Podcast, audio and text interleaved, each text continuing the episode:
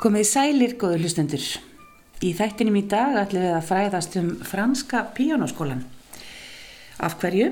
Jú, fransk píjónatónlist hefur verið dálitið í umræðinu undanförnu vegna plötu Vikings Heiðars Ólássonar þar sem hann leikur franska tónlist, eh, Debussy og Rameau og það var einmitt í tengslum við eina slíka umfjöllun, lestarklefin um daginn og þá var gestur Edda Erlendstóttir píjónuleikari sem að búið hefur eiginlega frá því hún var tvítug í París, starfað þar og, og kent og um, hún sagði einn svolítið merkinlegan hlut, frakkar eru ekki í því að flíka tilfinningum sínum.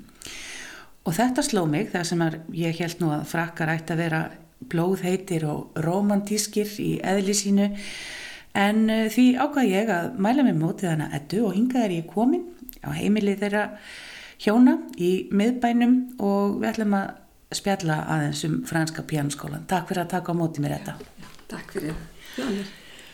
Hvað, hvað er þetta sem þú sagðir í lestaklefanum? Þetta, svo fór ég að hugsa þetta. Er þetta kannski bara málið? Nú þekk ég nú marga frakka og það er alveg rétt. Þeir eru svo sem ekki mikið að baða út höndum svona eins og söður ítalir. Já, þeir baða kannski út höndum en þeir eru ekki með hérna Eh, eh, hjartað alveg á út, útofnu þannig þó þeir eru náttúrulega uh, mjög næmir og uh, listelskir og uh, svona listrænir. En það er svona alltaf ég bara fundið í gegnum líka mína kennslu. Sérstaklega núna því ég er farin að kenna hérna í listaháskólanum að að, að það, það, það mér, mér fannst stundum að því ég var að kenna í Fraklandi romantíska tónlist að það væri eins og það væri eitthvað svona, svona, svona lo, lokað og stundum sem ég, ég verð bara að reyna að kreista þetta út. Eh, hérna fá þetta flæði og, og, og þá að tengjast tilfinningarlega eh, sko ég ætla ekki endilega aðhæfa en samt fannst mér þetta vera svona eitthvað sem að eh, væri svona karakterenginni svona frakkana á sinn hátt, maður náttúrulega aldrei alhæfa neitt. Nei, nei. og svo kem ég hinga í listaháskólan og þá finn ég bara einhvern veginn að flæði, það flæðir svo eh, eins og góðs bara óbeislað og fallega. Og, og, og Peter Matti eh, hérna, kollegi minn, hann, hann hefur einmitt sagt, hann sagði við mér en Íslendingar þeir eru bara svo ótrúlega músikalskir. Og mér fannst þetta svo fallit að heyra þetta því ég kannski hafði ekki sko ekki reynslu, en enga reynslu að kenna hérna fyrir bara núna fyrir fjórum árum því ég gest, gestakennari hér stafaskólan mm. um, og svo detti mér í hug um, ég þekki seljuleikara Sonja Vítil Atterton hún uh, hafi verið í námi í Moskú hjá Rostrópovits og, og svo var hún að fara í seljukeppni í Fraklandi uh, og fær hjá hennu tíma og hann segi bara að elska mín góða, þú mátt ekki spila þetta svona miklu tilfinning og þú er engan sjens í þessa gefni þú verður að vera, vera miklu hæveskari og þá ég, ég myndi bara allt í henni eftir þess að ég heyrði viðtal við henni í útvarpunni franska þegar hún var að segja frá þessu.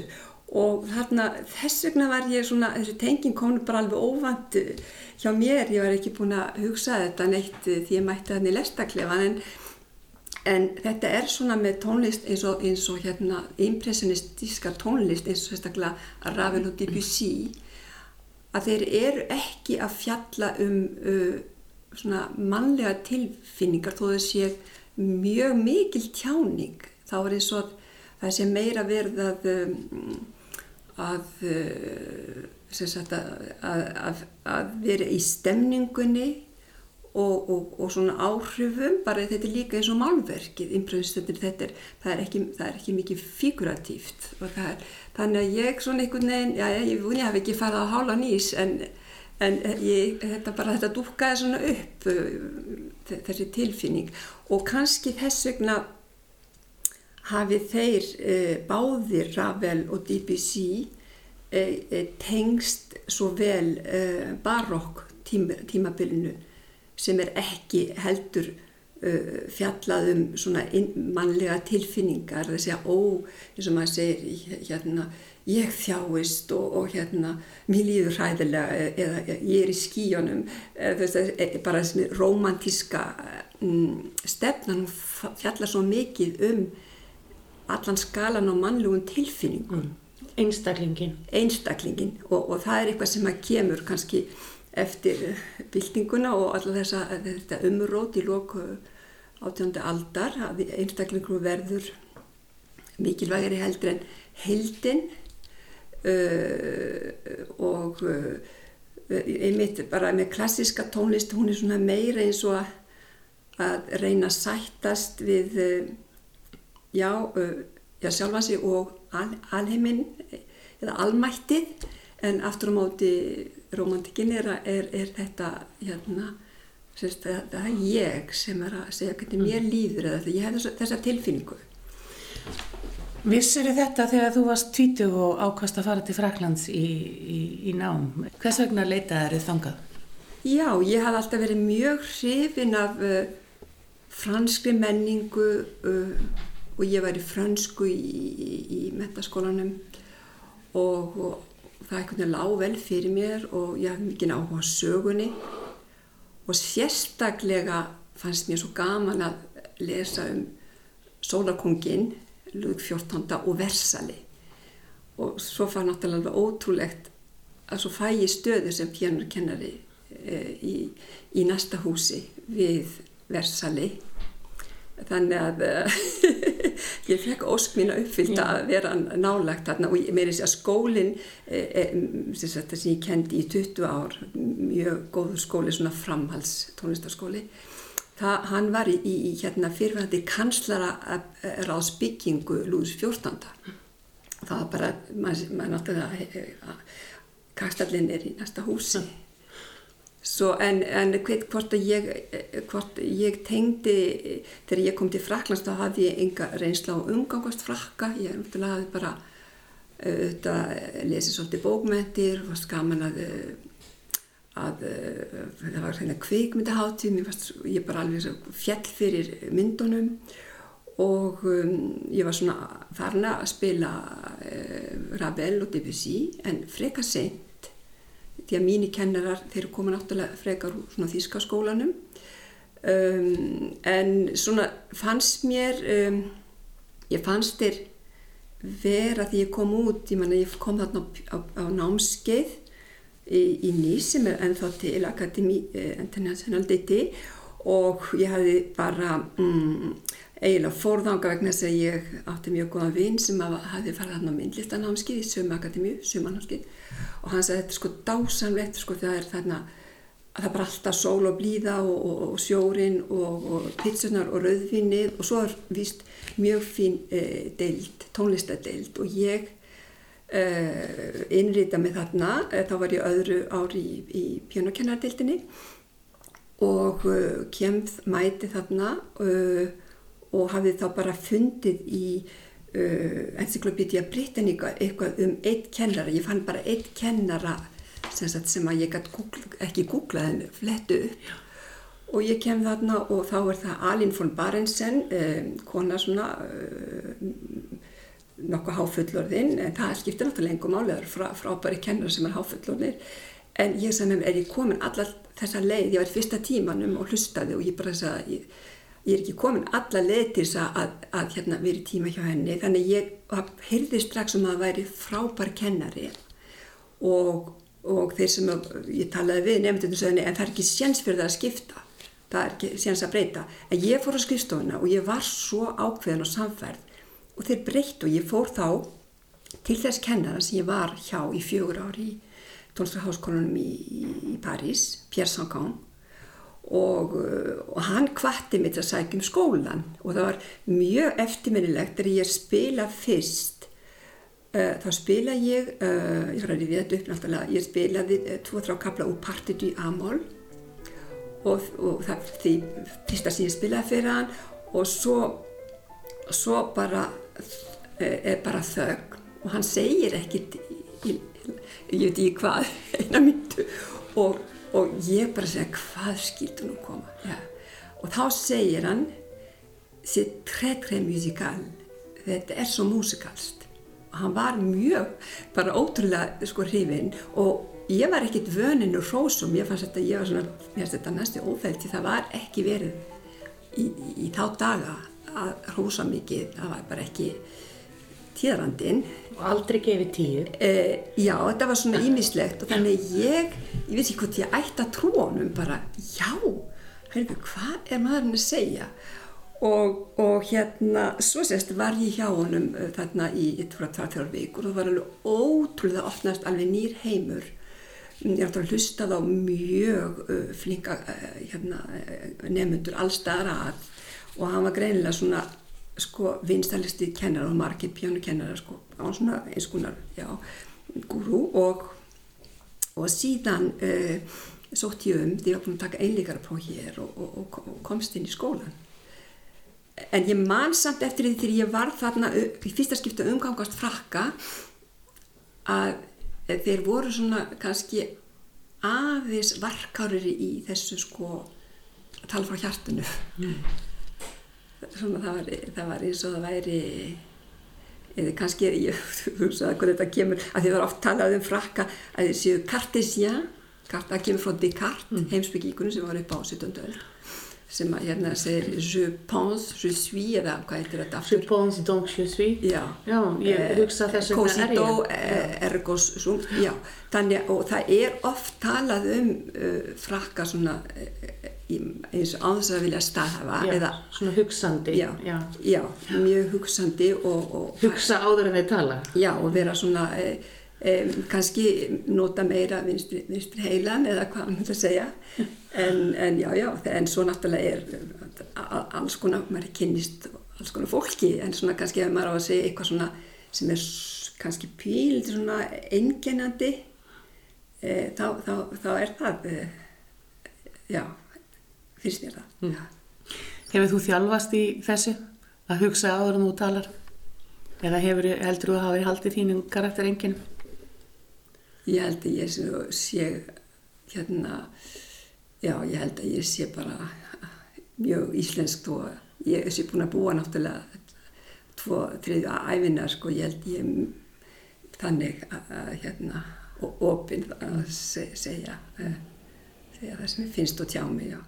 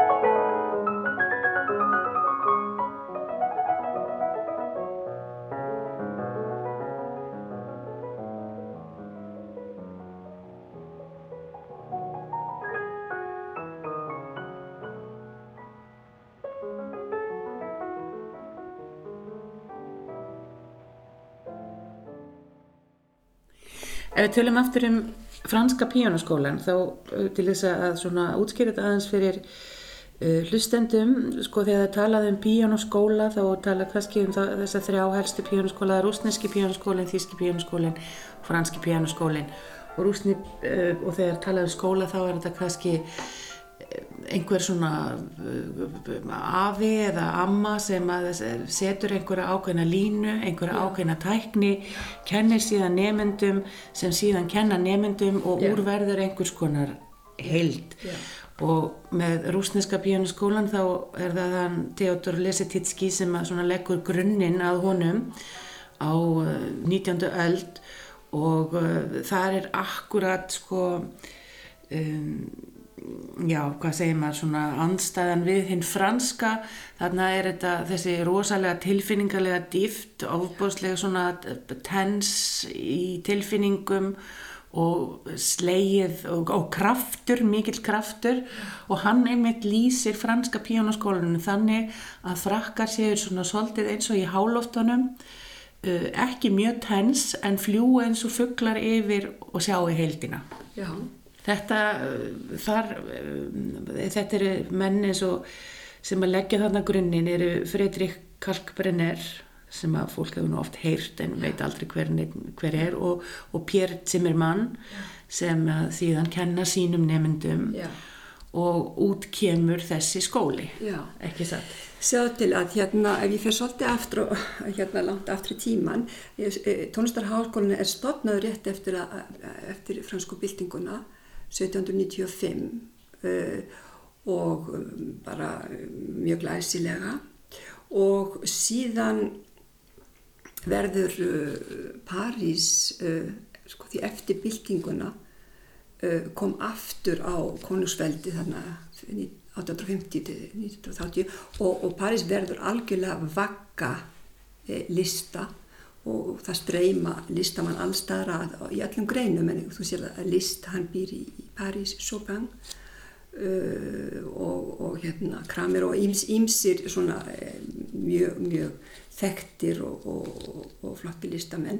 Um, einhvern veginn verða þannig að það er eins og að frakkarnir í sambandi við hljómbósleik, pjónleik að þeir hafa einhvern veginn haldið í sína gömlu hefð fyrir byltinguna og sérstaklega það var kennari sem hétt Marmondel sem var e, þarna e, meðja hérna 19. öldina hann kennir akkurat þennan e, þennan skóla þennan skóla þetta er kallað le jeu perlé eða perlu ásláttur sem er sko miklu nærri e, sko, ég meina tæknilega semballeik mm. og um, það þýðir að það spila meira með fingugómanum og handlikitur eru freka svona bara fasti við líkamann og það er eins og þessi skóli hann festist í, í sem, sem, sem, sem tækni kjensla ég held í raun og veru alltaf lengi. Svo reyndar kemur kennari um miðja um, 19. öld, Mattis, en hann fyrir að kenna tækni sem er meira eins og shoppingtækni, þar sem er allir handleikurinn virkaði til að syngja. Og Margaret Long, sem veit svona, frægast í pedagóg sem að, hérna, já, í, á síðustu öld, hún, hún, hún lést, held ég, 60 1962, hún var háaldruð, að hún var greinlega alveg eh, fest í þessu. Og ég kynntist í því að ég tók við eh, Beck uh, í Verselum uh, af konu sem hefði verið nefandi Margaret Long, Mademoiselle Chacun. Og það var alveg þetta ótrúlega svona, sko, mér fannst stíft, mjög fingurnir spila nú að hátt með fingrunum ekki sveigalur unleður og ég það tók mig 2-3 ára einhvern veginn að, að fannst mér að laga þetta þetta bara passar ekki lengur við nútíma hljóðfæri. En svo hins vegar er Alfred Kortó hann eh, hann fær öðruvísi kennslu og hann er raun og veru maður heyrði líka bara þegar maður hlusta á upptökur hann er miklu nærið þessari svo pengtækni en það er hann náttúrulega dásamlegasti sjóping tólkandi sem maður, maður bara heyri um,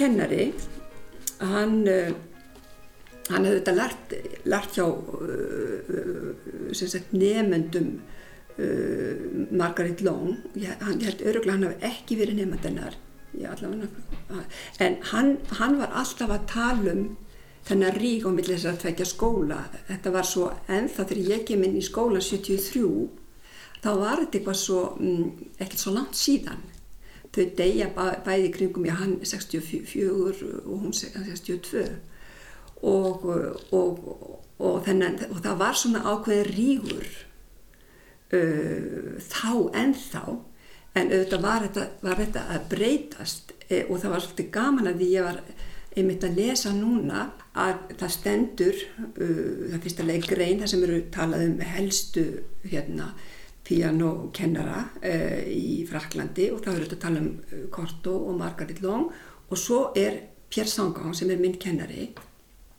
Og það, það er talað um að hann hafi eh, hvað ég segja, hann hafi frelsað eh, franska skólan úr fjötrum uh, franska semplskólans og ég mér fannst þetta svo frábært að lesa þetta á bladi af því að hann kom, hann kom með mjög mikið nýtt hann stórkaslu hérna kennari og hann hafði orðið fyrir miklum áhrifum af rúsneska skólanum og, uh, og þá talar hann, það talaði greinum um bildsins sem ég hætti ekki fundið en hann hafði gert kennslubækur og svo auðvitað Henrik Neuhaus og hann gaf mér bókina uh, The Art of Playing the Piano gaf mér bókina hans og skrifaði svo fallega á hana og þetta er mjög merkileg bók þessi, þessi bók Neuhaus. Og svo bara svona, svona aðeins innan svega þá því ég var á tónleikaferðarlega í Rúslandi eða Sovjetríkjónum uh, 85 og þá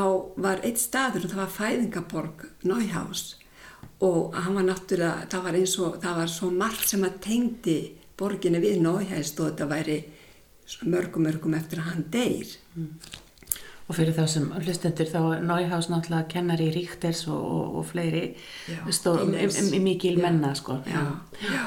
og allavegna þá uh, Pierre Sancan hann uh, Uh, hann kendi þessa tækni og, og það sem var svo mikið talað um að nota rétt armviktina og handlikinn og bakið og allur líkaminn tekur þátt í að spila, virkjaður fæturnir og, uh, og sem sagt um, og ég man eftir sérstaklega og ég er ofta svo ofta að hugsa um það að hann sagði alltaf það er engin vandan og það er alltaf lausnir.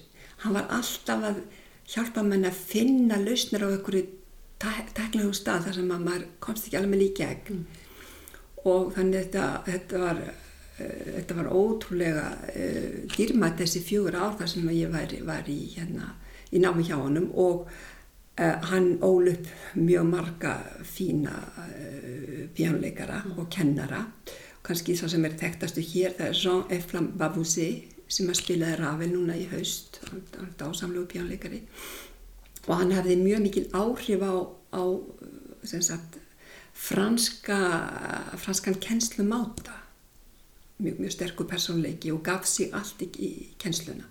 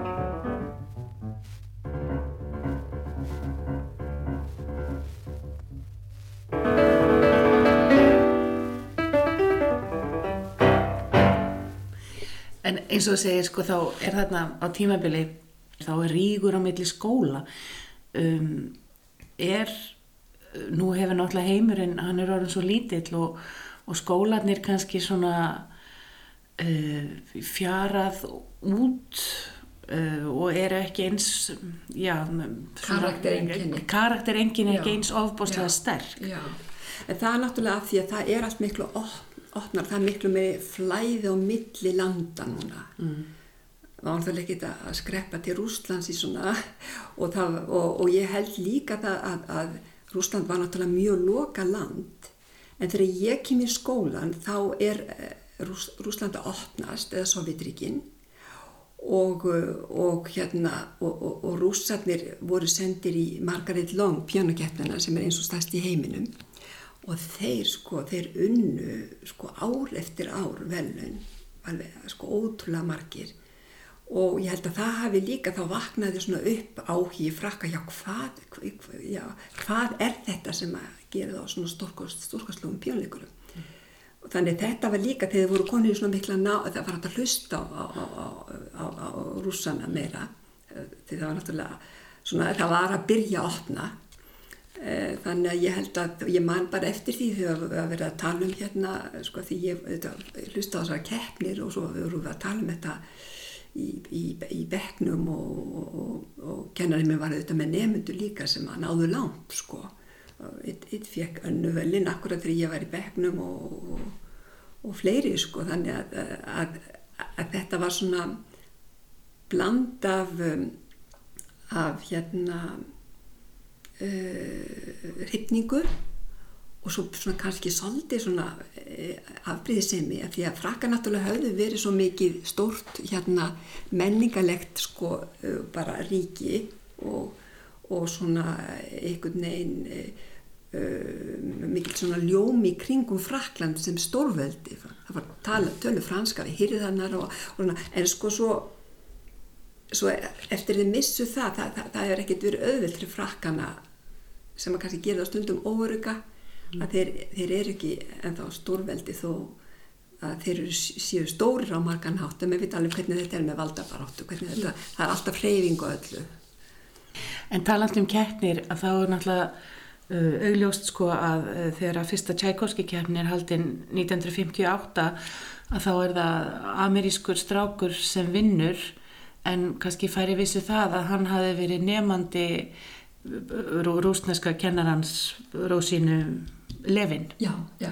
sem hann náttúrulega kendi honum Já. allt sem að hún kunni Já. sem hún hafi lært í Rúslandi Já.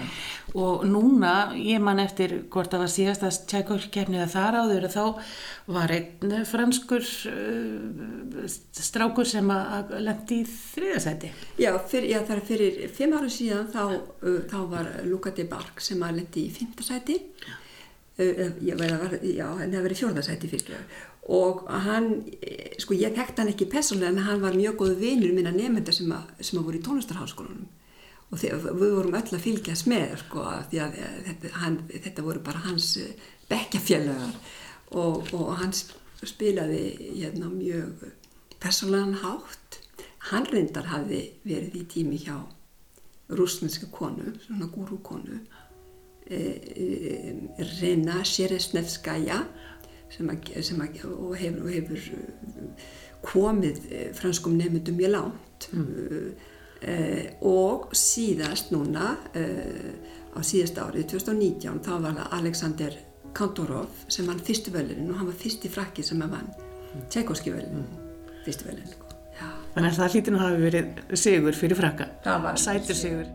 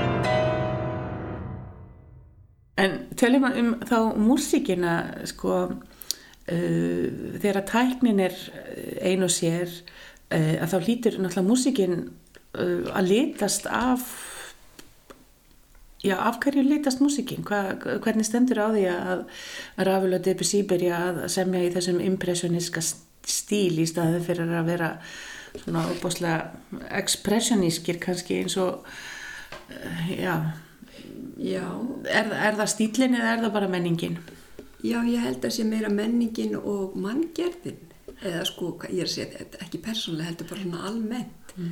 að þetta, þetta greinilega hendaði þeim alls ekki að vera í síður og romantískun stíl eins og hérna eins og, eins og bæði Sjönberg og, og, og hérna Alban Berg og, og ég hef oft hugsað um það sko að að list, fransk list, að ég spila þessi verk sem eru svona næstu því atonal, hérna, uh, Nyaskri, Bagatell, Óni Tónart og að hvort að hann hafi einhvern veginn að sko verið sá sem að kom fyrst með svona impressionistiska tónlist raun og veru. Hann bæða, list náttúrulega var svo stórkvöldur, hann opnaði bæði inn í síðromantíkina og um leið inn í það sem maður kallar impressionisma. Mm með þessum síðustu verkum þar sem eru svona mikla stemningar. Og uh, það er náttúrulega spurning hvort þér hafi hvort að Debussy hefur heyrt þessa tónlist. En um, en allavegna þá finna þeir sér, sér og tónlistinni þeirra farveg í þessu tónmáli sem er náttúrulega stórkoslegt sem að sko, það opnast alveg nýr heimur og, og, og hérna, meiri sé að uh, þeirra tónmál hafði mjög mikil áhrif á jazztónlist, ótrúlega mikil áhrif. Það var ekki öfugt, mm. þannig það er alltaf spennandi um, og ég bara maða sko að ég lasi um það að, að Pér Sangang hafa lítið að hafa hann hafi uh, sætt uh, Uh, sæst eða gerðas, gerðas, gerð, hann gerði sátt á milli franska tónlistar og, og, og nútíma pianotækni mm. mér fannst þetta alltaf aðeinsverð sko, að það þurfti ekkit endilega að spila þessa tónlist með einhverju juperli með fingugómanum mm. en reyndar er fransk uh, tónlist frá þessum tíma hún krefst alveg ótrúlega mikill að nefni í fingugómanum uh, og þegar það maður þarf að geta að spila svo létt og, og, og svo veikt og svo rætt og, og það, ég veist að það, það, um, það vekur öðruvísi viðbröð sem eru svona, það mjög svona finlegar litla reyfingar þannig mér finnst alltaf fransk tónlist vera mjög góð tónlist og góðu skóli fyrir, fyrir nefnendur að kenna, að kenna, já, já, mjög góð svo einhver kalla holl. Mjög, mjög holl já. Já. og, og kynast þeim skóla að þurfa að hafa vald yfir öllu þessu svona litlu fínessum mm. eins og hætn kannski líka. Á, hollur á sinni hátt já, ég er alveg samlega því hann er litt upp á hall líka. Já En einhver sagði sko strókið frekar en slegið? Já. Á að nótur? Að franski skólinn væri svona frekar strókin eldur en eh, slegin?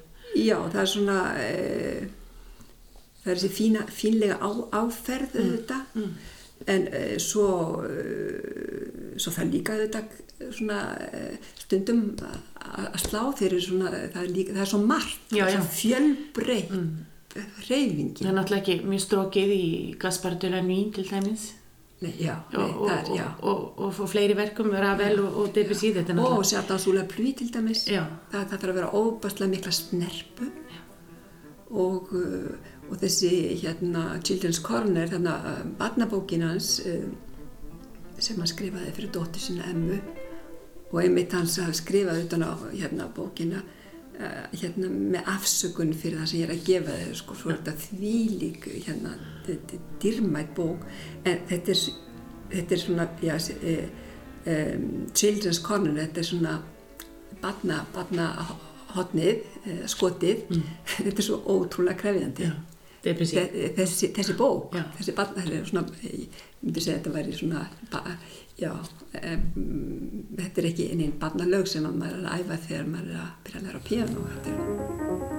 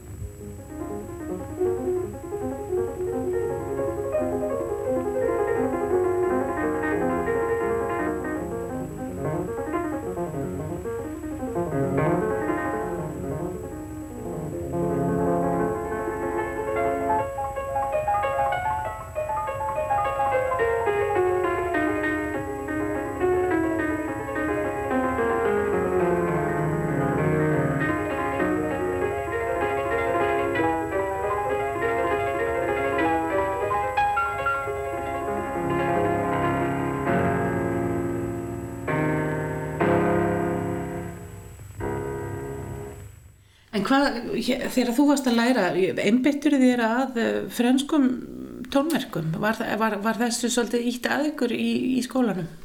sko það var nokkuð uh, uh, fjöl, fjölbreytt, það var auðvitað Bach og klassikinn, rúsneski skólinn auðvitað uh, og Prokofjev, Rachmaninov auðvitað og, og fransk, fra, franska tónlistinn en Schubert það var eins og hann var ekki til. Og ég mittir að ég hérna, ég spilaði eina sónutu uh, og uh, það var eh, hérna ekki svo styrsta, það var þessi síðasta í Bétur og uh, ég held að ég hef verið eina mann sem spilaði Schubert þarna þessi fjör ár.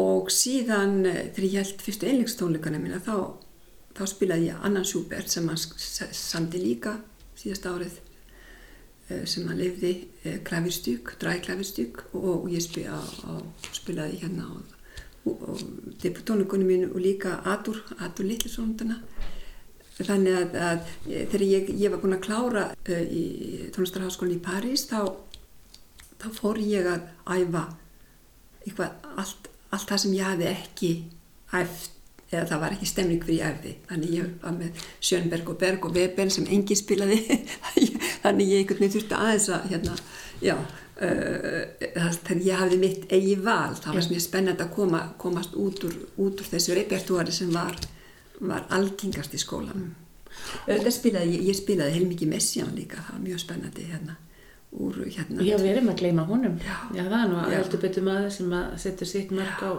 á franska tónlist. Já. Og ekki síst pianotónlist, því hann skrifar gríðarlega mikið fyrir já, Og það er nú ekki allt, uh, já, það er, Það er ekki- svolítið uh, já ekkert Nei. Eh, en, en uh, það, uh, það tónskáld sem að mér langar til að minnast á sem að ég kendi mikið, það er Dudieu, orðið Dudieu og hann, ég finnst hann hjá honum kristallast alveg svona þessi menningararfur franska tónlistar það er mjög þessar þrjár preludjur sem að hann samdi uh, og uh, það er mjög sterk tenging við Debussy til dæmis mm. og ég spilaði þetta hérna virkum mústum og það var frumflutningur hérna mm. sko verkinn hans þessi, það, hann skrifaði ekki mikið verkum en hann er mjög hátt skrifaður í heiminu sko bara sem hann hefur sami líka selokonsert fyrir Rostropovits Tout à monde lointain ég held að það veikt með verið flutt hérna mm. um, og hann er svona kannski myndi ég segja verð um, fallegasta svona hvað ég segja e, dæmið um e, þann sem tekur við þessum menningararfi og þróar hann áfram á personlega nátt mm.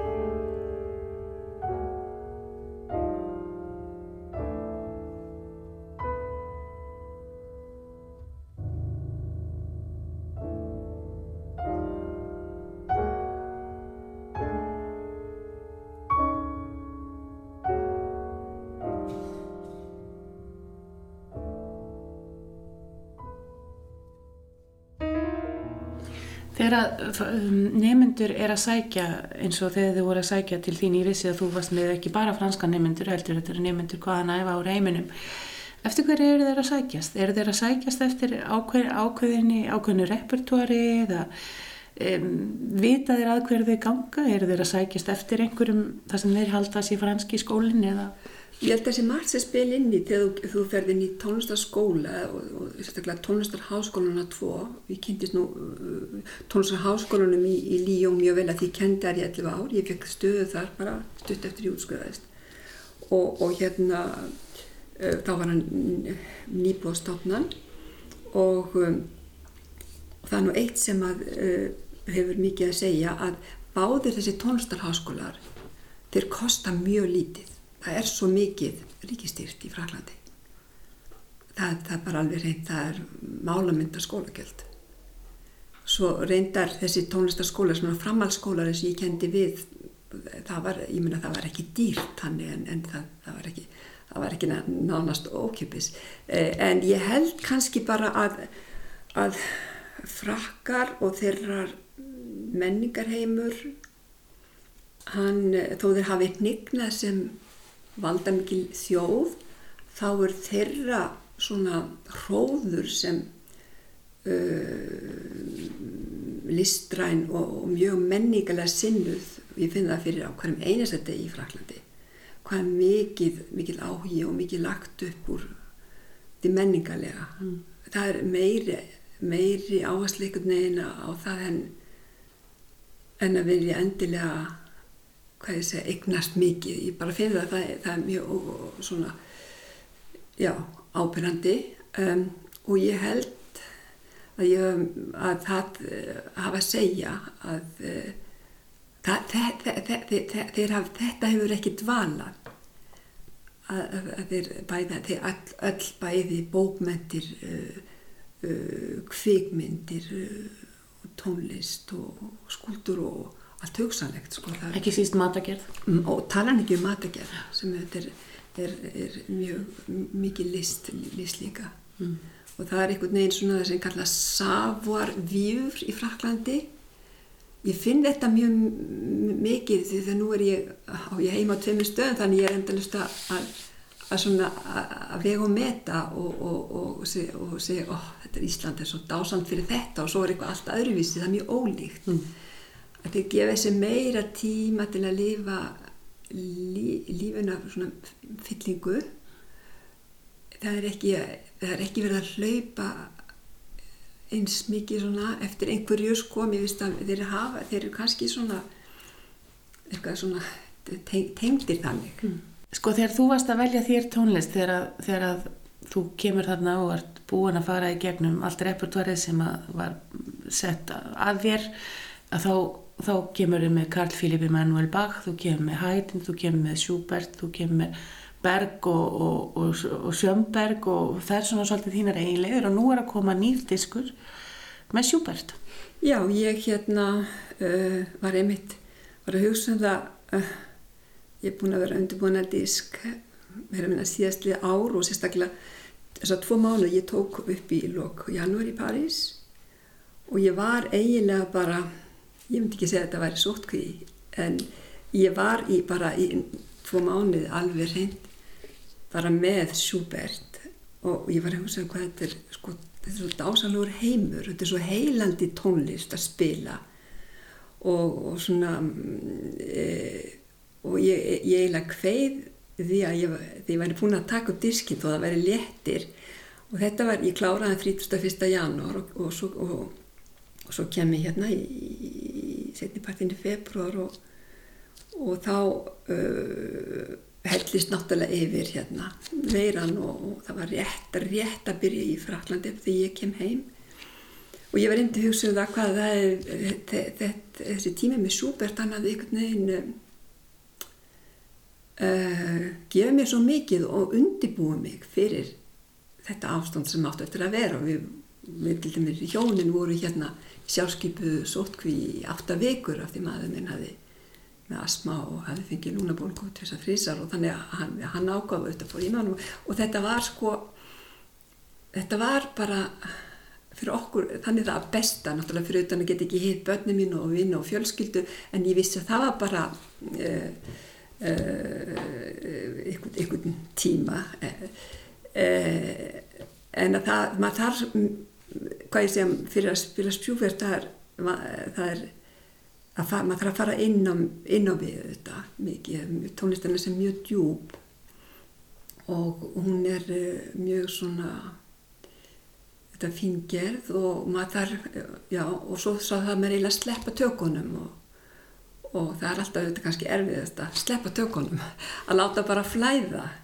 En þess að diskurinn hann er hann er, hann er sagt, komin já, komin en ekki komin út hann kemur út því hvernig maður setni battana á þessu ári en, en það, e, ég hafði æft og spilað síðustu verkinans bæði Bétursónutuna og, og klæfistykkin, ræklæfistykk uh, sem að samti síðast árið sem að liði hann, en hins vegar þá hafði ég alltaf haft áhuga að spila sólutnar sem að samti eins og sem eskuverk sem að voru samin á 2017 sem að var það ár það sem að hann svona var orðin þó var mjög ungur þroskaðu listamæður og hann fær tækifæri til þess að, að hætta að vinna fyrir sér e, í heilt ár og hann semur ógrinna sönglugum þetta ár og eftir þá svona þrjá mánuði að semja bara fyrir söng þá fer hann að semja fyrir uh, uh, piano og semur sexsónutur og mikið af þessum fallegu hérna lendleir og, og uh, valsum nobl og dönsum og, og, og hérna og mössum þannig að, að þetta var svona eiginlega hans mesta pianoár og ég valdi svona frekar ólíkar þrjásónundur svona sem er ekki kannski mest spilaðar en ég valdi ekki þess vegna ég bara, já, bara valdi það vegna þess að til þess að velja til að spila á disk þá þarf maður náttúrulega virkilega að vilja að lifa með verkonu lengi svona, og, og, og gefa sér tíma þannig að um, þetta var mjög, mjög góðu tími. Mm. Þetta, ég ætla að þakka þið fyrir spjallið og óskall hamingi með diskin þú hans ekki komin út, við skulum enda þetta hér á einum kabla úr einni falleri sónutu af þessum óútkomna diski og hlaka til að heyra mér. Takk. Takk hjálpa fyrir mig.